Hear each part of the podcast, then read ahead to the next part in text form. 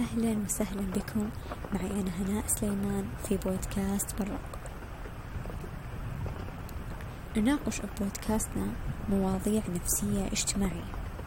نسلط الضوء على بريق ذواتنا وما نحمل فيها من تقلبات كانت الحياة ومصاعبها السبب الأول فيها. أتمنى لكم رحلة ممتعة. معي أنا هناء سليمان في بودكاست برق حلقتنا الأولى تتكلم عن من أنا ونحاول أن نوصف ذواتنا من خلال الأسئلة والغوص داخل مفاهيم نسجتها الحياة فينا. ونكتشف لماذا؟ فمن المخيف جدا عزيزي المستمع أن تعيش وأنت غير مدرك لذاتك. ولم تفهم رغباتك وطموحاتك المستقبلية قبل سنة من الآن كتبت مقال كنت أحاول أن أوصف فيه شتاتي في هذيك الفترة. كنت أحاول أن أعرف من أنا. كنت أقول من أنا؟ عاصفة لا تهدأ. نيران مشتعلة. أرض لا طريق بها. أو سماء مكتظة بالغيوم الداكنة الكئيبة. هل أنا بسفينة ضائعة في وسط المحيط؟ لا تعلم إلى أي درب تتجه. هل أملك القوة الداخلية اللازمة كسترة نجاة لو أغرقت بهذه السفينة؟ لا أكاد أعلم من أنا. وإلى أين أتجه؟ لا أعلم هل ما أفكر به صحيح أم مشاعري تغلبني أحيانا. لا بل دائما. تناقضات تأخذني إلى هنا وهناك. في وسط متاهة لا أعلم نهايتها إلى أين أنا في كل يوم أحدث ذاتي التي كنت عليها بالأمس.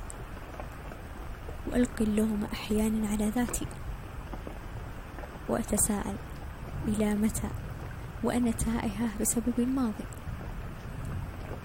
إلى متى وأنا أرجو وأطلب الله لغير ذاتي؟ وأصلح وأبني الجميع وأنا لا. لماذا؟ هل لأنني لا أعلم من أنا ولم أجد المعنى الصحيح للتعبير عن ذاتي؟ صدقيني يا حلوتي لا جدوى من جميع تلك التساؤلات. إن لم تفيقي وتذهبين برحلة نفسية مع ذاتك لتعلمين من هي بالضبط بعيدا عن الآخرين والالتزامات الغير اللازمة. وكما يقال just our time. وبالمعنى مجرد وقت. وستعرفين حتما قيمة ذاتك وتفهمين جميع تلك التخبطات والأزمات النفسية وغيرها. فقط لا تتوقفين عن السؤال. من أنا؟ والبحث في ذلك من أجلك. فكان هذا النص شيء بسيط للتعبير عن عني في هذيك الفترة. جميعنا نمر بمرحلة تشتت. لا محال في ذلك. ولكن جميعنا نمر بفترات صعبة وتشتت ذهني ونفسي وغيره. لا محال في ذلك. ولكن مهما كانت هذه الفترة طويلة ومتعبة فعلينا الخروج منها. وبأقل الخسائر. النفسية طبعا. لا أقول لكم أن الحياة وردية. وأنه لا يوجد مشقات وعقبات وأزمات بل يوجد وهذا ما يجعل للحياة طعم ولون فلولا التعب والحزن واليأس والانكسار لما كان للسعادة والراحة طعم الحياة جميلة بمشقاتها لذلك حتى وإن كنت تعيش في محيط لا يشبهك ليس سببا كافيا في أن لا تبحث عن ذاتك. وتصنع لك كيان واضح لذاتك. فالحياة لن تنتظرك ولن يستطيع أحد مساعدتك إن لم تساعد نفسك وتبنيها لأجلك. اقرأ. اقرأ واكتشف مهاراتك وابحث عن معنى للحياة داخلك. ولا تجعلوا من الماضي وعقباتها عائقا لكم. فكل تجربة مررتم بها كانت مناعة لكم اليوم. وتعلمتم منها. فمن حكمة الله أن الليالي والأيام تنجلي وتنطفي شرارة الحزن ونتجاوز مر الشعور كما الليل مهما طال يعقبه النهار. ولا نعلم أن لنا رب ينجينا من كل الكرب والهموم والغموم. ومع ذلك ونحن برحلة نفسية لاكتشاف ذواتنا لا ننسى الله. والاتصال الروحي في عباداتنا. وكما يقول الله سبحانه وتعالى في محكم آياته ألا بذكر الله تطمئن القلوب؟ وفي آية أخرى وننزل من القرآن ما هو شفاء ورحمة للمؤمنين. أنعم علينا الله سبحانه وتعالى أن لنا ربا ينجينا في السراء والضراء. فالحمد لله حمدا. يطيب لجلال وجهه وعظيم سلطانه.